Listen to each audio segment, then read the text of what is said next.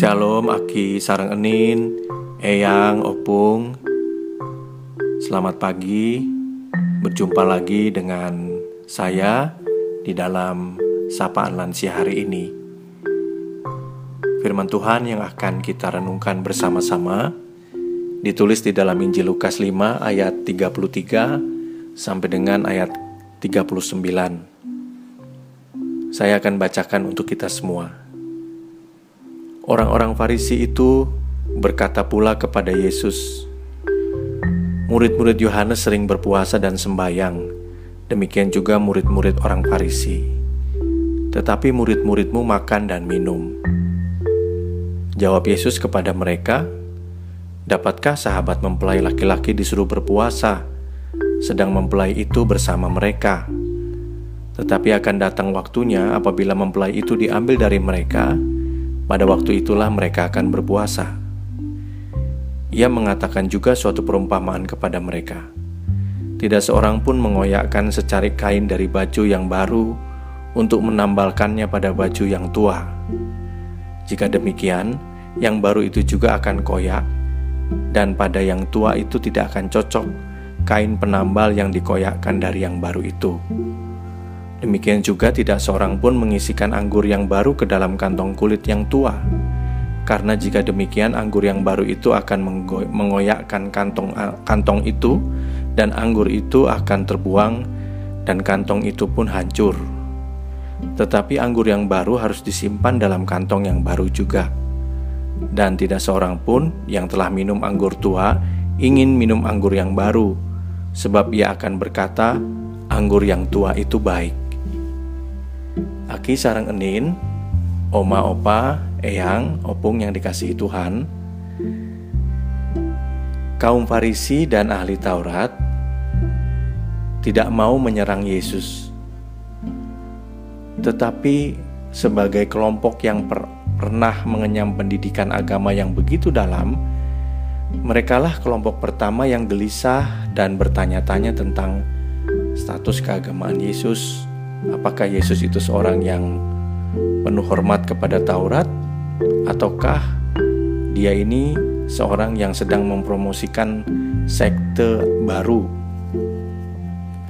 Kehadiran dan kegelisahan para ahli agama dimanfaatkan oleh Tuhan Yesus untuk menunjukkan kepada mereka bahwa dia bukan sekadar seorang pengikut Musa dan para nabi, melainkan guru bagi mereka semua.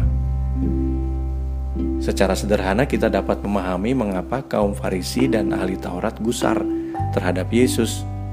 Bagaimana mungkin Yesus yang tanpa pendidikan tinggi berani berhadapan dengan mereka seakan-akan dia itu seorang guru. Mereka saat itu sedang menanti-nantikan kedatangan Tuhan yang meneguhkan ajaran mereka dan memuji jasa-jasa mereka. Yang datang justru Yesus, seorang pemuda dari kalangan rakyat biasa Yesus ini tampaknya tidak terlalu memedulikan otoritas ahli, ahli Taurat. Yesus datang di tengah-tengah masa rakyat, tidak hanya untuk mengajar mereka, melainkan untuk menyembuhkan, menghibur, menyelamatkan, dan memberi makan kepada mereka. Pendek kata, untuk mencintai mereka. Yesus mencintai mereka. Dia datang bukan dengan membawa gelar akademis, melainkan Yesus datang untuk membawa cinta. Di dalam doa-doa kita, Aki, Sarang Enin, Eyang, Oma, Opa, dan Opung, kita tidak meminta Yesus mencintai kita. Tuhan Yesus itu sudah mencintai kita. Bahkan ketika kita berdosa, Tuhan mencintai kita dan akan tetap mencintai kita. Yang kita pohonkan, yang kita minta dalam doa kita adalah agar kita bisa meneladani Yesus, khususnya agar kita mampu memahami arti cinta dan menghayati dalam kehidupan sehari-hari. Apa pun kondisi kita, profesi kita, pekerjaan kita, kemampuan kita. Untuk membantu memahami makna cinta, kita bisa belajar dari sebuah lilin yang menyala dan meleleh Coba kita pandangi dia dan kita dengarkan suaranya. Lilin berkata, "Hai manusia, Engkau telah menyalakan aku dan engkau sekarang memandangi nyalaku. Engkau menikmati kehangatan dan keindahan nyalaku yang menyebar ke sekitarku. Aku gembira bahwa diriku berguna dan terbakar untuk kesenanganmu. Kalau tidak, aku hanya tersimpan di dalam sebuah kotak. Aku hanya berarti sejauh aku terbakar dan memberi terang. Aku sadar bahwa dengan terbakar diriku menjadi semakin pendek dan akhirnya aku habis.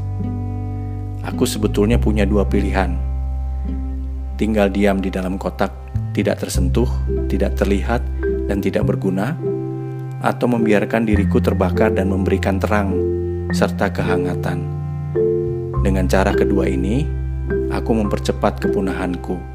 Namun, aku yakin bahwa tindakan memberi itu lebih indah dan lebih bermakna. Kita juga, Aki sarang enin, oma opa, dan eyang, serta opung, kita manusia juga seperti lilin. Kita punya dua pilihan. Kita bisa bersembunyi, menyimpan segala talenta berkat yang Tuhan berikan untuk kita diri kita sendiri, atau kita bisa membagi hidup dan cinta sehingga hidup kita lebih berarti. Sebuah bel barulah sungguh-sungguh bel dinamakan bel ketika dibunyikan. Sebuah nyanyian barulah sungguh-sungguh sebuah nyanyian kalau ada yang menyanyikannya. Dan cinta barulah sungguh-sungguh disebut sebagai cinta kalau diwujudkan dalam tindakan nyata sehari-hari dan tidak hanya disimpan di dalam hati. Kiranya Tuhan menguatkan Aki Sarang Enin, Oma Opa, Opung dan Eyang semua. Mari kita berdoa. Tuhan yang baik, Tuhan sang cinta yang telah menyerahkan nyawanya sebagai tanda cinta yang terbesar dalam hidup kami sebagai manusia. Ajari kami Tuhan di usia saat ini untuk tidak berhenti mencintai Tuhan dan juga mencintai sesama kami. Membagikan apa yang Tuhan sudah berikan kepada kami. Tidak kami simpan untuk diri kami sendiri, tetapi kami mau membaginya kepada orang-orang yang hidup sejaman dengan kami, kepada anak cucu cicit kami, pada orang-orang di sekitar kami. Mampukan kami dalam segala keterbatasan kami Tuhan di usia kami yang sudah lanjut.